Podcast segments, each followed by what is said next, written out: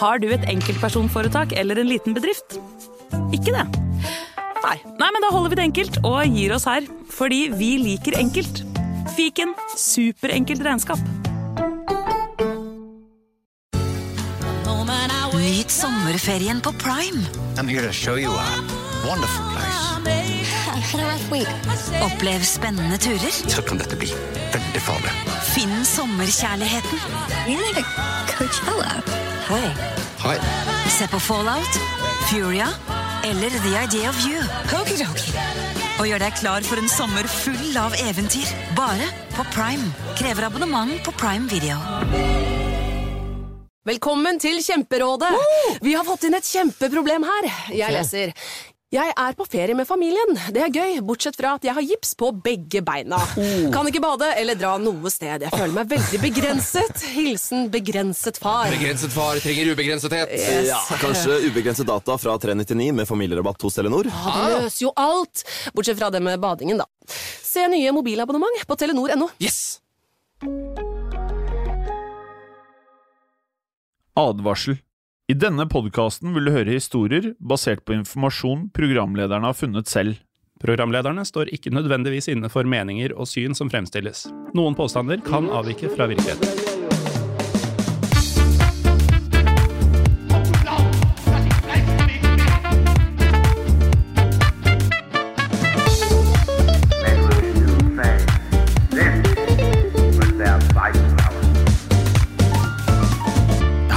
Velkommen til en ny episode av Historiepodden andre verdenskrig. Mitt navn er som alltid Jim Fosheim. Og mitt navn er atter en gang Morten Galaasen. Det er godt å se deg igjen. Lige like måte. Vi så hverandre for kun to dager siden. Ja, og vi hørtes i akkurat denne podkasten for én uke siden. Helt selv om riktig. eh, noen av lytterne kanskje tror det har gått eh, mer enn det. Og vi kommer til å høres igjen i denne podkasten neste uke. Ja, ja.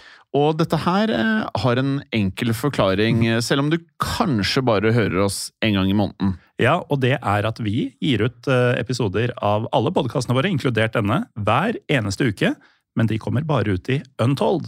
Eller som eh, jeg pleier å kalle den, rosa appen. Ja, Eh, og den kan du laste ned stort sett eh, uavhengig av operativsystem. det kan du. De fleste bruker Android og IOS. Mm. Jeg bruker IOS, og da går jeg gjerne på AppStore, skriver Untold, og så blir det rosa.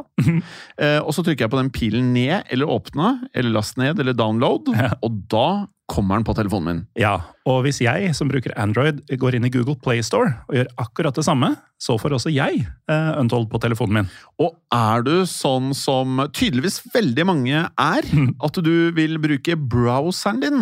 På norsk så er det et annet navn. Nettleser. Hva syns du høres best ut? Jeg eh, sier nettleser, men jeg prøver å aktivt gå inn for å bruke norske ord så ofte som Ja. mulig. Det er faktisk enda en god ting. Jeg pleier å si browser. Eh, Jeg kommer til å fortsette med det i hvert fall i dag. Så hvis du går inn på browseren, skriver untold.app, så blir det vel rosa da òg. Da blir det rosa. Ja. Og hvis du skaffer deg Untold for første gang i ditt liv, Ja. så får du de første 30 dagene gratis. Ja, det stemmer. Mm. Eh, og det gjelder da også på eh, AppStore og på Google Playstore. Ja, uavhengig av hvilken måte du skaffer deg Untold på. Godt sagt, Morten. Og vi kan jo også si at både Historiepodden og Gangsterpodden også er på Untold. Ja, hver eneste uke. Denne uken så skal vi eh, Vi har vært en del på havet. Mm. Eh, Vi skal på havet igjen. Ja. Og eh, etter hvert så skal vi da også bevege oss inn i eh, norske farvann. Ja, og det har vi jo vært i veldig tidlige episoder av podkastene våre. Tirpitz, for eksempel. For eksempel. Kjempespennende. Og de eh, av dere som eh, ønsker en liten sånn kuriøs sak fra Tirpitz-episoden, så er jo det at stort sett, hvis du som hører på nå står på et kumlokk, så kanskje er det Tirpitz. Ja. Eller hvis du står på, når det er veiarbeid, så er det store sånne jernplater. Ja. Det kan være Tirpitz. ja, det er mer Tirpitz i det norske samfunnet i dag enn man skulle ane. Og hvis du syns denne, ja, denne informasjonen er kuriøs, så går du inn og søker opp Tirpitz-episoden. Gjør det. Men med det sagt så kan jeg avsløre at i dag så skal vi prate om det amerikanske lasteskipet SS City of Flint. For i 1939 så ble nettopp SS City of Flint det første amerikanske skipet som ble kapret av tyskerne under andre verdenskrig. Syns det er helt feil av meg å si at eh, det er et veldig kult navn på et skip. Jeg er helt enig, og det er et uvanlig navn på et Veldig. skip. Ja, veldig, veldig uvanlig. Eh, men som sikkert noen av dere lyttere er eh, klar over, så hadde jo ikke USA gått inn i andre verdenskrig i året 1939. Nei. Så derfor så lurer nok dere samme lytterne på hvorfor Flint ble kapret av tyskerne. Og det er fullt forståelig. Men eh, høsten 1939 så var Nazi-Tyskland i krig mot eh, Storbritannia. Og derfor så sendte amerikanerne forsyninger og krigsmateriell til britene. Og det var til stor hjelp for den eh, britiske krigsinnsatsen. Det er helt riktig, og nettopp disse forsyningene fra USA de ble da sendt med skip nettopp over Atlanterhavet. Men i Atlanteren, Morten, så hadde da selvfølgelig tyske krigsskip og ubåter fått i oppgave å stanse det som var av skip som da fraktet forsyninger til nettopp Storbritannia. Og som vi nå skal høre, så var det nettopp derfor Flint havnet i denne eh, situasjonen med tyskerne. Ja, men før vi fortsetter, så kan vi jo si noen ord om Flint. For da andre verdenskrig brøt ut, så var dette et skip med solid erfaring. Det var det, og SS City of Flint ble sjøsatt i februar 1920. Så i 1939 så var det gammel nok til å være russ. Ja, det kan du si, Morten. Og skipet det ble da oppkalt etter byen Flint. Kanskje ikke så overraskende. Og Flint det ligger i delstaten Michigan. Ja, Kanskje mest kjent for å være hjembyen til Michael Moore, filmskaperen. Ja, han har hatt uh, mange gode dokumentarer. Ja, Gode og kontroversielle, annet eh, Fahrenheit 9-11. Ja, Og da er det sånn, Morten, at jeg kan noen ganger bli eh, litt forvirret over hvor jeg finner de forskjellige filmene. Det har blitt en jungel av eh, strømmetjenester nå. Og på en måte så liker jeg det, for da er det mye tilbud eh, og mye å velge mellom. Ja, men også litt fragmentert. Men akkurat denne filmen, da, hvis man ønsker å se den, den ligger litt uh, her og der. Blant annet på Viaplay og TV2 Play. Ja, og jeg, vil bare si én ting til. Mm. Jeg har nevnt det tidligere. Jeg kommer nå i uh, fremtiden til å gå ned i kjelleren min, mm. hente opp DVD-samlingen og lage meg en, uh, ja, en DVD-hylle. Ja, det gir mening, det. Ja, og så skal jeg gå på Finn, og så skal jeg begynne å kjøpe opp gode filmer. Ja. Jeg tror mye er gratis òg, for så vidt. Ja, Det kan det godt være. Og da har man også en plan B dersom eh, nettet ikke fungerer en dag. Godt sagt, Morten. Eh, Jeg har et helt annet spørsmål til deg. Vil du si at et eh, skip på over 100 meter er å kategorisere som et langt skip? Jeg eh, ville kategorisert det som et langt skip. Vet du hva du nettopp har gjort? Nei.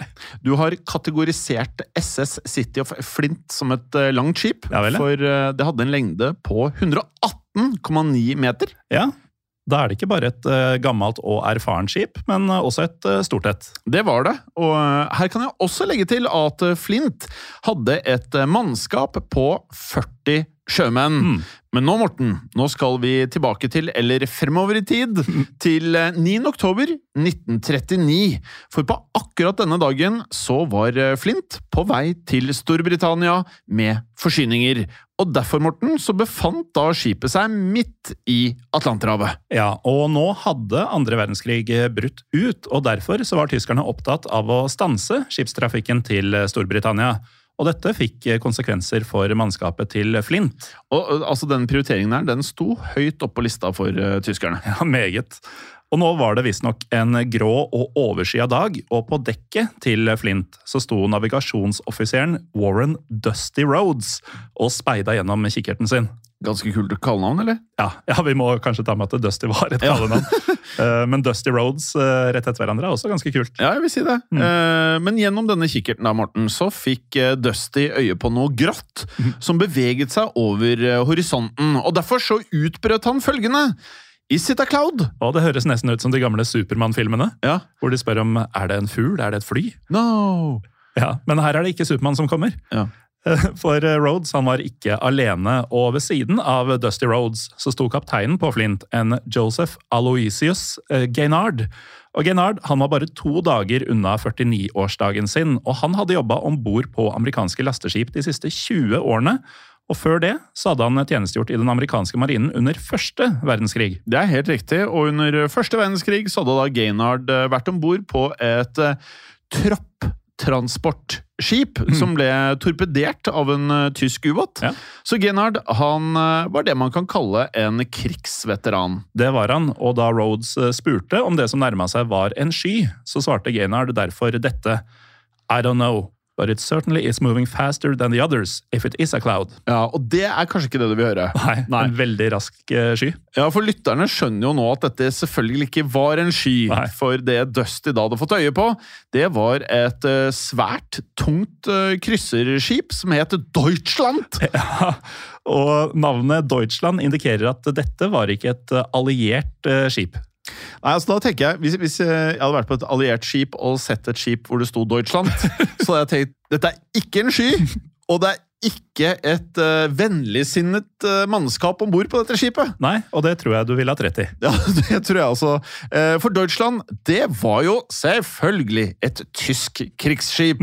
Eh, Og kanskje det sterkeste navnet du kan velge på et skip hvis skipet kommer fra Tyskland. Ja, Vi er jo veldig glad i beskrivende navn på både operasjoner, mennesker og um, oppfinnelser. Ja. Og dette er meget beskrivende. Ja, det er veldig beskrivende, og i løpet av de neste minuttene da, så satte Deutschland kursen rett mot City of Flint. Så Gaynard, han ble det man kan kalle bekymret. Ja, og han skulle ikke bli mindre bekymra med tiden, for eh, nå mistenkte kapteinen på Deutschland at eh, Flint var et eh, britisk forsyningsskip.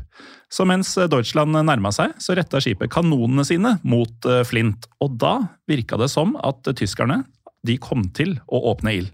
Men da la tyskerne merke til noe, Morten. Mm. Og det var det at Flint det hadde et amerikansk flagg malt på siden av skroget. Ja, og det pleide ikke britiske forsyningsskip å ha. Nei, det hadde de ikke. Så nå vendte tyskerne kanonene sine vekk igjen, før de da heiste opp et flagg med to signalbeskjeder. Ja, og den første av disse beskjedene den lød som følger You must not use your radio.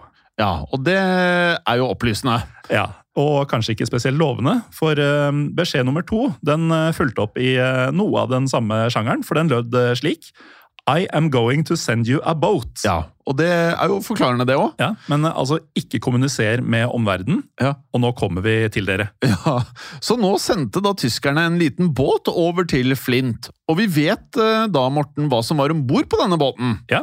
For det var én tysk offiser Mm.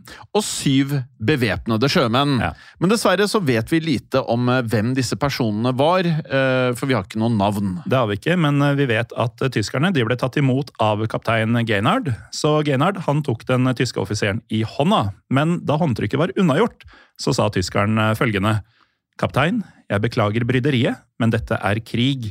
Jeg må be om å få se papirene dine. Ja, Så her virker det da som at uh, denne tyske offiseren han ønsket å se dokumentasjon på hva slags last Flint hadde om bord. Ja, og kaptein Gaynard hadde ikke noe annet valg enn å gå med på dette, så nå tok han den tyske offiseren med seg opp på kapteinsbroen til Flint, og der fikk tyskeren se en oversikt over lasta som Flint hadde om bord. Dette minner meg om en av mine favorittfilmer. Eh, Kapring på åpent hav. Nei, ja, den er også eh, Det er, det er mer en sånn en underholdningsfilm. Ja, du Også er- tenker eh, tyngre skyts. Ja, jeg tenker noe som er høy, høy, høy kvalitet. Eh, Det er nemlig Indiana Jones. Ja. Altså første filmen, hvor eh, Indy Og dette er jo spoiler alert hvis du ikke har sett den, og da bør du vel kanskje Er det 70- eller 80-tallet den første kom? 80. Lenge siden, i hvert fall. Det er ikke 70, det er 80 eller 90, tenker jeg. Ja, Men uh, uansett, da er Indiana Jones om bord på et uh, lasteskip. Og da kommer det en tysk ubåt og stopper skipet og gjennomsøker hele skipet etter søken etter Indy. ja, det låter jo veldig likt som dette her. Ja, det gjør det. Eh, og denne lasten da, om bord ikke på skipet til Indiana Jones, men på Flint, det hadde noe ganske spesifikt av eh, beskrivelse. Ja. For det var nemlig tømmer, det var voks, det var asfalt, epler, hermetikk, traktorer, olje, fett og generell last. Ja, eh, Dette høres ut som to ting for min del. Eh, Veldig eklektisk blanding av ting å frakte på en gang, Ja. men også ganske harmløst. For de som ikke vet hva eklektisk betyr, hva, hva betyr det? Eh, Mye forskjellig. Ja. At det spriker litt i alle retninger. Så du kunne sagt variert. Det kunne jeg. Du sa eklektisk. Jeg gjorde det. Skjønner, men olje da, det var jo en Det er noe du kan forvente at man trenger i en krigssituasjon. Ja. Ja. Verdifull ressurs, og spesielt da for den britiske krigsindustrien. Så nå fikk denne tyske offiseren et eh, det som blir beskrevet som et alvorlig ansiktsuttrykk. Ja, og har du en tysk eh, offiser om bord på ditt skip, og du ikke er tysk selv, eller alliert med tyskerne, så vil du ikke at den tyske offiseren skal bli alvorlig. Nei, du vil, eh, det er det siste du vil. Men jeg kan kanskje se for meg at eh, hvis jeg hadde vært der, at jeg hadde oppfattet ansiktsuttrykket som fiendtlig også. Ja, fort. Ja, fort vekk. Eh, og deretter så sa denne tyske offiseren dette er ikke bra. Og det vil du i hvert fall ikke høre! Du har 20 000 fat med olje om bord. Under tysk lov er du skyldig i å frakte smuglergods til fienden! Dette er ikke bra. Det er det ikke. Ehm, Og nå ble situasjonen da alvorlig, som man eh, skjønner. For i minuttene som fulgte, så tok denne tyske offiseren kontakt med kapteinen på Deutschland. Og vi vet heller ikke navnet på den tyske kapteinen, men vi vet at han ga ordre om at mennene hans de skulle nå kapre City of Flint. Og en ting som gjorde situasjonen kanskje enda vanskeligere for de amerikanske sjømennene, Morten, det var det at de ikke hadde spesielt med våpen, slik at de egentlig ikke kunne hamle opp med tyskerne. Nei, for det var jo ikke et eh, krigsskip, dette her. Nei, det er viktig å huske på. Og med det så ble da kaptein Gaynard og mannskapet hans eh, tatt til fange. Men Gaynard han skulle på ingen måte være noen enkel fange å håndtere for nazistene. Nei, Det skulle han ikke, men nå var altså Flint eh, under tysk eh, kommando. Det er helt riktig, Morten, men kapteinen på Deutschland han fikk nå noe helt annet å ta seg av med nye oppdrag. Og med det så seilte nå Deutschland av gårde igjen. Ja, men før Deutschland seilte vekk, så hadde 18 tyske sjømenn tatt seg om bord på Flint. Og disse tyskerne de ble ledet av en mann som vi endelig har et navn på, nemlig løytnant Hans Puschbach. Og Oppdraget til Puschbach det var å føre Flint til Tyskland. Ja, og Gaynard og Puschbach de var da mm, ikke så ulike sånn egentlig. Nei, De var ikke det, for i likhet med Genhard så var Pushbach en svært erfaren sjømann som hadde både tjenestegjort i den tyske handelsflåten og i den tyske marinen nettopp under første verdenskrig. kan jeg få avbryte historien med et lite ordspill? Veldig gjerne. For eh, vi sa jo at Genhard skulle bli en litt vanskelig fange, Ja. så Pushbach han skulle oppleve pushback. Dette er eh, akkurat sånn humor vi liker i Storepodden. Ja, vi gjør jeg det syns, jeg syns den var veldig bra. Ja, takk. Ja. Men eh, det første Puschbach eh, gjorde om bord på Flint, det var å gi følgende beskjed til det amerikanske mannskapet. Dere er nå på vei mot Tyskland. Mine soldater kommer til å holde vakt over dere. Dere vil få alle ordrene deres fra kaptein Gaynard. Om det oppstår bråk eller ordrenekt, så vil vi få dere drept. Og mens Puschbach eh, sa dette her, så sto 17 andre tyskere i nærheten, og disse tyskerne de var bevæpna med både maskinpistoler, revolvere og håndgranater. Så derfor så hadde ikke amerikanerne noe annet valg enn å gjøre akkurat som de fikk beskjed om. Men til tross for dette, Morten, så fikk Pushbach eh, snart problemer. Ja, for kaptein Gaynard han var en rutinert eh, mann, og nå hadde han gjort noe lurt.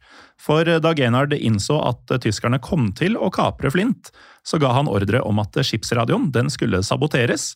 Og tyskerne de hadde ikke kompetansen til å fikse radioen. Ja, og til alle dere yngre lyttere, dette er jo en periode uten mobiltelefoner, så radioen den var eh, svært viktig. Ja. For uten radioen så kunne da ikke Pushbach kontakte andre tyske skip, og derfor kunne han da ikke be om en, eh, noen form for eskorte da, fra tyske krigsskip. Og uten en slik eskorte så ble det da vanskeligere å komme seg til Tyskland. For på sjøen så var det jo britene som hadde det militære overtaket i denne delen av krigen. Ja, Britannia rule the waves, Ja. som de synger. Og dersom Flint da kom til å møte på et eh, britisk krigsskip, så risikerte Pushbach og mennene hans å bli gjort til britiske krigsfanger, så ting kunne snu fort her. Og dette var Gaynard eh, godt klar over, så derfor så skal Gaynard ha sagt følgende til Pushbach. Deutschland er borte, men du kommer ikke til å bruke radioen. Du kommer heller ikke til å senke Flint, siden Tyskland ikke vil fremprovosere en krig mot USA. Mannskapet mitt må ikke gjøre noe som får deg til å senke skipet. Jeg vet at landet mitt ikke ønsker en krig, så her står vi. Du kan ikke seile videre uten hjelp fra mannskapet mitt, og derfor må jeg få tilbake kommandoen over skipet. Så det virker da som at Gaynard forsøkte å presse Pushbach til å gi Gaynard kommandoen tilbake over Flint.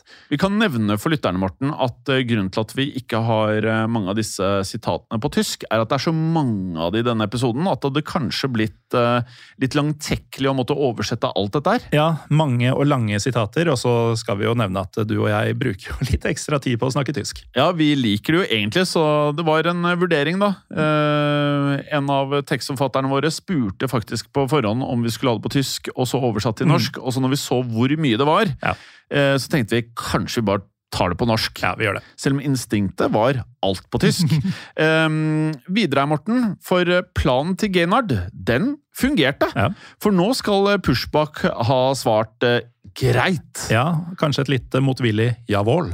Ja, det føles litt sånn. Eh, og med det så fikk Gaynard tilbake kommandoen over skipet sitt. Ja, men det at Gaynard fikk tilbake kommandoen, det innebar ikke at han fikk tilbake kontrollen over skipet. For eh, så lenge tyskerne var bevæpna, så var det Pushbach som bestemte hvor skipet skulle sette kursen. Og Pushbach han ønsket da at Gaynard skulle sette kursen mot Tyskland. Men dersom Flint nådde Tyskland, Morten, så ville Gaynard miste skipet sitt. Ja. For i Tyskland så ville Flint da bli konfiskert, mens mannskapet i beste fall ville bli deportert hjem til USA. Og i verste fall så risikerte amerikanerne å bli sittende i varetekt i Tyskland. Ja, og Gaynard ønska ingenting av dette. her. Han. ville helst beholde skipet sitt, så derfor bestemte han seg nå for å kvitte seg med Pushbach og tyskerne. Og I en av artiklene som vi har benytta oss av i arbeidet med episoden, så har det som nå skjedde, blitt forklart eh, slik. Gaynard kjente godt til nøytralitetslovene og de internasjonale havlovene. Han håpet å bruke reglene til å kvitte seg med tyskerne på fredelig vis før skipet nådde Tyskland. Nå begynte det doble katt og mus-spillet. Pushbach prøvde å unngå konfrontasjon med allierte skip, mens kaptein Geinar prøvde å overliste Pushbach. Ja, og vi har sagt det tidligere, Jim. Dette, det låter som handlinga i en film. Det gjør det. Eh, og det som skjer videre, det blir ikke noe mindre filmatisk. For nå ga Pushbach beskjed til Gainar om å seile til Tyskland via Orknøyene. Mm. Noe som da ville ta skipet forbi nordkysten av Skålen. Ja, eh, og det høres jo ut som en omvei, men eh, det å seile forbi nordkysten av Skottland, det var da risikabelt, selvfølgelig. For der var det en stor sjanse for at Flint støtte på nettopp det Flint ønska å støte på, nemlig britiske krigsskip. Og Derfor så skal Gaynard eh, nå ha rista på hodet sitt mens han sa It's too dangerous. Så nå foreslo Gainar en alternativ kurs via Nord-Atlanteren og norskekysten. For der var det langt lavere sjanser for å støte på britiske krigsskip. Og Pushbach han syntes at dette hørtes ut som en god idé, så nå ga han Gaynard beskjed om å seile til Tyskland via denne nye kursen. Og med det så er det duka for enda et lite utdrag fra denne artikkelen som vi brukte i stad. Få bare hør på dette.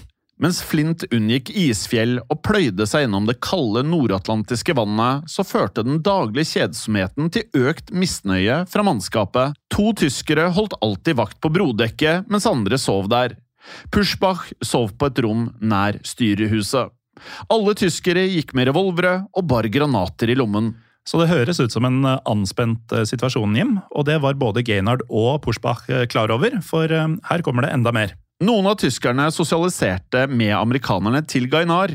Gainar antok at tyskerne skjønte engelsk, men at de lot som at de ikke forsto språket. Tyskerne så på kortspill i mannskapets rom og lyttet til samtalene deres. Deretter rapporterte de til Pushbach. Pushbach gikk så til Mainar og sa Well, Tonight, I think we have some monkey business. Ja, så det som skjedde her, det var at uh, tyskerne de lot som at de ikke forsto engelsk, slik at de kunne spionere på amerikanerne. Det er helt riktig, Morten, og på denne måten så forsto Pushbach at mannskapet til Gainar planla å angripe tyskerne, noe Pushbach deretter fortalte til Gainar, for på denne måten så kunne da Gainar stoppe disse planene. Og Gainar han mente at uh, det var en svært dårlig idé å ta skipet tilbake ved hjelp av vold. Ja, og vi nevnte jo at uh, Genard han kunne mye om havrett. Uh, vi skal ikke gå altfor mye inn på det, men tyskerne de handla faktisk i tråd med internasjonal lov her. Og nå forklarte Gainar følgende til mannskapet sitt. Tyskerne hadde rett til å være på skipet ifølge internasjonal lov, og derfor så mente Garnard Morten at mannskapet hans teknisk sett kunne tiltales for sjørøveri dersom de angrep tyskerne. Og sjørøveri det hører kanskje mer hjemme i historiepodden enn i denne. Ja, Vi har hatt en del episoder om det. Vi har det, Ja. Eh, men eh, sjørøveri og andre verdenskrig det har ikke gått helt hånd i hånd tidligere. I hvert fall ikke når du er tatt til fange. Nei, I hvert fall ikke da. Eh, Og Gaynard han var jo en rutinert sjømann, så vi må bare anta at han visste hva han prata om når det gjelder denne havretten. Ja, Vi må nesten bare tenke at han visste dette her, men likevel så var mannskapet hans De var ikke lette å overbevise. For eh, vi forstår det på denne måten at det var hele ni tilfeller der amerikanerne planla å ta skipet tilbake ved hjelp av vold. Og ved hvert av disse tilfellene så måtte Gainar da overtale mennene sine om å droppe denne planen. Men eh, det betyr jo ikke at Gaynard hadde gitt opp eh, helt, for han håpa jo å kvitte seg med tyskerne på fredelig vis. Så da han foreslo å seile langs norskekysten, så hadde Gaynard en baktanke. For på dette tidspunktet så var Norge et nøytralt land, og i 1907 så hadde både Tyskland, USA og Norge forplikta seg til å følge en rekke nøytralitetslover. Og i arkivet, Verke Morten, til eh, det norske kulturdepartementet, så har vi da funnet en oppsummering av én av disse lovene. I dag har vi jobba godt. Ja, altså Redaksjonen har hjulpet oss eh, ganske kraftig her. altså. Ja. hør på følgende. 18.10.1907 ble det undertegnet en avtale som ga retningslinjer om hvordan nøytrale land skulle forholde seg til kaprede skip. Avtalen ga anledning til at slike skip kunne seile i det nøytrale landets farvann. Skipene fikk derimot ikke lov å gå i havn eller ankre opp uten at det forelå helt spesielle nødsituasjoner. Dersom de stoppet uten gyldig grunn, pliktet det nøytrale landet å sette skipet fri. Så nå planla Genard å lure Pushbach til å ankre opp i en norsk havn uten en gyldig grunn. Kan man si at det er lurt? Det er lurt, Ja. for dersom dette skjedde, så ville Norge gripe inn for å befri Gaynard og mannskapet hans. Helt riktig, så Geynard han skal derfor ha lurt Pushbach til å tro at Flint nesten var tom for drikkevann. Men det var det ikke. Det var det ikke, og dette gjorde da at Pushbach så seg nødt til å legge til havn i Norge, for det hørtes ut for Pushbach som da at denne vannmangelen eh, ville by på en nødsituasjon. nødsituasjon. Og dersom man da fikk Gainard til å ankre opp i Norge, så ville det ikke da utgjøre dette bruddet på nøytralitetsloven.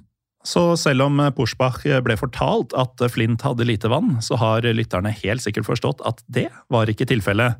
For eh, vi har forstått det sånn at Flint hadde minst eh, to tanker med vannforsyninger, og tyskerne de hadde åpenbart ikke sjekka tankene selv. For den ene av disse to tankene den var fortsatt helt full. Det er lov å si at de kunne ha sjekket dette. Ja, det kunne de jo. Eh, Så Pushbach han eh, tok da tydeligvis eh, Gainar på ordet, og derfor så fortsatte Flint nå kursen mot nærmeste havn. Så den 20. oktober 1939 så ankom Flint Tromsø! Da er det et stykke unna Tyskland. Vet du hva de også er, Morten? Mhm. I Norge. Ja, Ja, og i Tromsø så gikk de norske havnearbeiderne i gang med å fylle opp vannforsyningene til Flint. Og nå håpet Gaynard at nordmennene ville oppdage at noen av vanntankene til Flint allerede var fulle.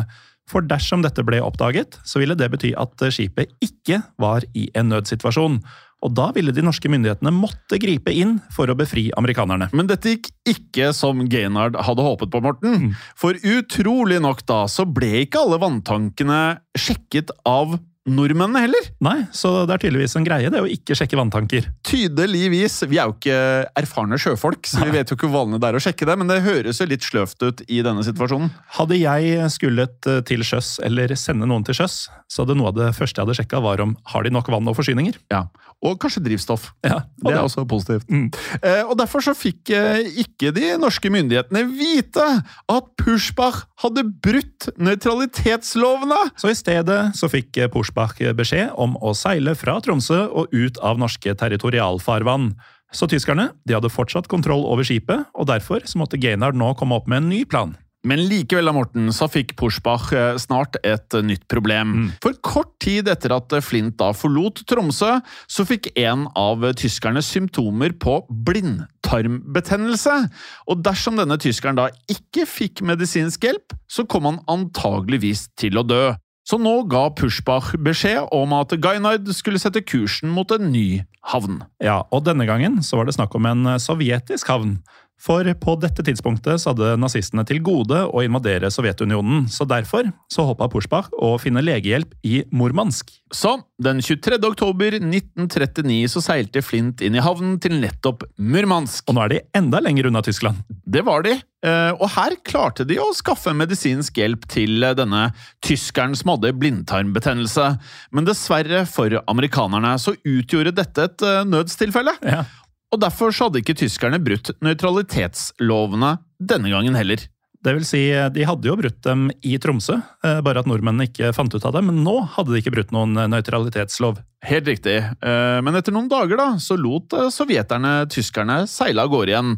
Men Porsbach han ga ordre om å seile sørover langs norskekysten, for på den måten så håpet Pushbach å da kunne unngå noen form for britisk eh, kontakt. Det er riktig, men langs norskekysten så var det norske krigsskip som patruljerte, og snart så møtte Flint på den norske torpedobåten Stegg.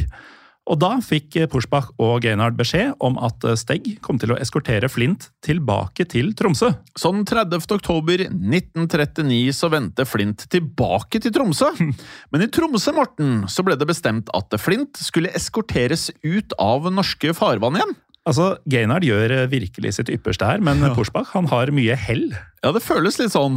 Så nå fikk eh, Flint en eskorte som besto av eh, tre norske krigsskip. Nemlig den eh, nevnte torpedobåten, altså Stegg, en annen torpedobåt som het Æger, og en mineleggingsbåt som het Olav Tryggvason. Ja, og i dagene som fulgte så ble Flint eskortert eh, sørover, men på veien så skjedde det noe uventa. For i løpet av en natt så støtte Flint og de norske skipene på et britisk krigsskip som seilte i norsk farvann. Og for Genard og amerikanerne så var dette en eh, ny mulighet til å bli reddet, for eh, så lenge tyskerne ikke hadde brutt norsk nøytralitetslov, så kom ikke nordmennene til å gripe inn for å redde mannskapet til Flint. Men med britene så var det en helt annen sak. En helt annen sak, men til Gaynard sin skuffelse så signaliserte de norske skipene nå dette budskapet til britene. We are operating in Norwegian territorial waters. Noe som da fikk følgende svar fra britene. Sorry, we do not wish to intrude, but we would have liked to have your friend in our convoy. Eh, Så det britene gjorde her, det var egentlig å spørre pent om de da kunne få eskortere Flint ut av norske farvann og videre til Storbritannia. Ja, og nå virker det som det endelig skal løsne for amerikanerne, men dessverre for dem så gikk ikke den norske marinen med på dette her. For i stedet så fortsatte Flint sørover sammen med de norske eskorteskipene, og lenger sør man kom, større sjanse var det for at Flint ville nå frem til Tyskland. Ja, men eh, på veien, Morten, så skjedde det igjen noe uventet. Dette er litt av en seilas. Ja, det må man kunne si, for eh, nå hadde Flint ankret opp i både Tromsø og Murmansk, og derfra så hadde nyheten om kapringen spredt seg. Så nå var den såkalte Flint-saken derfor å finne på førstesiden av aviser over hele verden! Det er helt riktig, men eh, som vi har nevnt, så fungerte ikke radioen til Flint, og derfor så hadde ikke Pushbach eh, klart å få kontakt med de tyske myndighetene. Men likevel, Morten, så eh, visste de tyske myndighetene at Flint var på vei sørover fra Tromsø. Så derfor hadde den tyske handelsflåten fått beskjed om å holde utkikk etter Flint, og nå skal Flint da ha passert et tysk handelsskip. Og derfor så sendte dette handelsskipet et flaggsignal til Pushbach.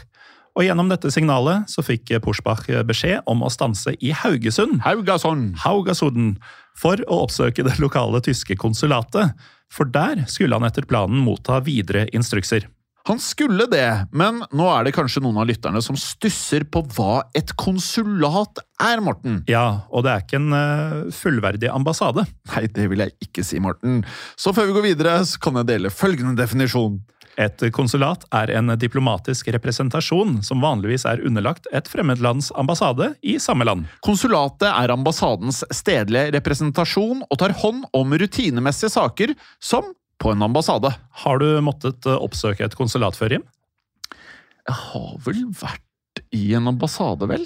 Jeg var, eh, ja, eh, jeg var innom det norske konsulatet på Malta Ja. i sin tid. Der har vi ikke ambassade. Så konsulatet til Norge på Malta det mm, er underordna eh, ambassaden vi har i Italia, i Roma. Mm. Og de ansatte på konsulatet, på det, altså det norske konsulatet på Malta de snakka ikke norsk. De var lokalt ansatte. Det var en veldig pussig opplevelse. Ja. Jeg har jo studert fire år i Skottland, som du vet. Ja. Jeg må jo ha vært innom en ambassade, tror du ikke? Jo, jeg vil jo tro det, men ja. Uansett, tilbake til historien, for nå har vi etablert at Pushbach han eh, kunne bare ankre opp i norske havner dersom det forelå et nødstilfelle. Og det at han skulle kontakte det tyske konsulatet i Haugesund, det var jo ikke et nødstilfelle i det hele tatt. Nei, og nettopp dette bestemte Gainard seg for å utnytte. For nå skal Gainard ha gjort alt han kunne for å overbevise Pushbach til å ankre opp i Haugasund. Ja, og derfor så sa Gainard angivelig følgende til Pushbach. En liten nøytral nasjon som Norge vil da ikke være interessert i å provosere Tyskland. Du har fått ordre om å ankre opp, så for all del, ankre opp. Ja, og etter alt å dømme, Morten, så lot Pushbach seg overbevise av Gainar. For om kvelden den 3. november 1939 så seilte Flint inn i havnen til Haugesund. Og med det så krevde de norske myndighetene å få vite hvorfor Flint hadde ankret opp. Ja, og da prøvde Pushbach visstnok å overbevise nordmennene om at årsaken var et behov for medisinsk hjelp.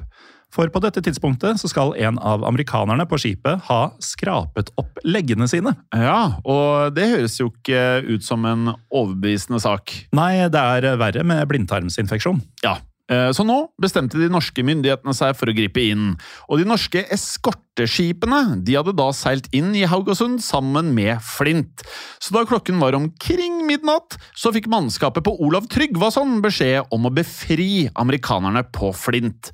Og med det, Morten, så ble Flint boret av 30 bevæpnede norske sjømenn. Ja, og det som nå skjedde, det oppsummerte kaptein Gaynard senere slik. It was slick the way they did it. The Norwegians simply woke the Germans up, took away their guns and told them they had lost their rights. Du vet, I Norge så eh, veldig ofte så kan man bli litt sånn Var nordmennene så gode som eh, norske historiebøker beskriver de som? Ja. Men ofte når vi har gjort arbeid i eh, VV2, Så kommer det ikke fra norske kilder. nettopp, så kanskje vi var Så det, gode. Ja, det var før TikTok, det var før Instagram, det var eh, tak i folk. Ja, og det ble lagt merke til av annet amerikanere. Ja, de, med andre ord, de var ikke sånn som oss. Eh, Så nå ble tyskerne fjernet uten at det ble løsnet et eneste skudd, og det er jo godt gjort. Det er det. Og da dette var gjort, så utvekslet Gainar noen ord med Olav Tryggvason sin nestkommanderende, Bernt Dingsør. Og Dingsør, han sa følgende In a little while, I'll have some good news. Han sa det på engelsk, Ja. eh, det er poeng da. Eh, og nå skal Gainard ha smilt, før han deretter svarte I don't need to wait a little while. It's good news to see you. Ja, Og med det sagt så ble Porsbach og hans uh, tyskere ført om bord på Olav Tryggvason, men amerikanerne de fikk bli værende på Flint. Nei. Og i timene som fulgte, så lot de norske myndighetene Flint eh, seile til Bergen, for i Bergen så fantes det et eh, amerikansk konsulat. Ja, det gjorde det. Så Gainar han eh, fikk nå kontakt med dette konsulatet, og her forstår vi det sånn da, at konsulatet de stelte i stand en radiosending med Gainard. Ja, og gjennom denne radiosendinga så fikk Gainard sjansen til å fortelle historien sin til resten av verden. Og det gjorde han. Og Gainard han fortalte derfor om hva som hadde skjedd med Flint. Og med det sagt, Morten, så fikk Flint snart seile fra Norge igjen. Ja, for nå hadde mannskapet blitt eh, befridd, og dermed satte Gaynard endelig kursen tilbake mot USA. Og den 27. januar 1940 så ankom Fint derfor den amerikanske havnebyen Baltimore. Ja, Eller Baltimore, som vi har sagt i historiepodden en gang. Ja, og du vet alle de amerikanske gangsterfilmene, så er de Baltimore. Mm. Balti med i.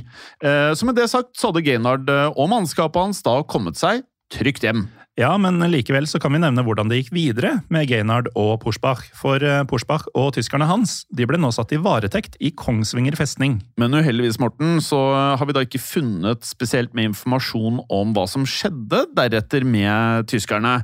Så her må vi nesten anta, om vi skal si noe, at da Pushbach og mennene hans da senest ble løslatt da Nazi-Tyskland invaderte Norge i april i 1940. Ja, det virker mest eh, logisk, men eh, dessverre så har vi ikke noe informasjon om hva Pushbach gjorde etter 1940, så derfor vet vi rett og slett ikke hvorvidt han overlevde andre verdenskrig.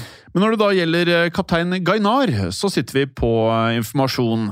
For da Gainar vendte hjem til USA, så mottok han en æresutmerkelse som takk for hvordan han hadde ledet Flint trygt hjem igjen. Og denne æresutmerkelsen den het The Navy Cross, og begrunnelsen for at Gainard fikk The Navy Cross, den lød som følger. Vi tar det på norsk. For utmerket tjeneste mens han var kaptein på skipet City of Flint, da skipet ble kapret på åpent hav og internert av væpnede styrker fra en krigførende europeisk makt. Gaynards dyktighet, gode dømmekraft og hengivenhet til plikten var av høyeste orden. Ja, og det er jo veldig flotte ord, da. Jeg er enig. Og i tiden som fulgte, så fortsatte både Flint og Gainar å tjenestegjøre til sjøs, Morten. For da USA gikk inn i annen verdenskrig, som var i 1941, så ble Gainar innkalt til tjeneste i den amerikanske marinen, og i månedene som fulgte, så hadde han kommandoen på en rekke forsyningsskip. Ja, men eh, vi sa jo at vi ikke vet om Pushbach eh, overlevde andre verdenskrig, og at vi har mer informasjon når det gjelder eh, Gaynard. Dessverre så overlevde ikke Joseph Gaynard andre verdenskrig, for den 23. desember 1943 så lå han innlagt på et marinesykehus i San Diego i California. Og på denne dagen så døde han visstnok av det som kildene bare omtaler som sykdom. Han gjorde det, men vi kan jo si noen ord om SS City of Flint også, Morten. Ja, det kan vi gjøre. For uh, da USA gikk inn i annen verdenskrig, så fortsatte Flint å frakte forsyninger over Atlanteren. Og den 23. januar 1943 så ble skipet da senket av en tysk ubåt, som betyr, Morten, at Flint ble senket og Gainard døde samme år. Ja, 1943 begge deler. Men likevel så huskes både Gainard og Flint fortsatt i dag. For som vi har lært i dagens episode, så utgjorde kapringen av Flint en veldig minneverdig historie. Og som vi nevnte i starten, så var Flint det første amerikanske skipet som ble tatt til fange av tyskerne under andre verdenskrig. Veldig interessant episode. Veldig. Mm. Og for en heisatur Gaynard tok med tyskerne på.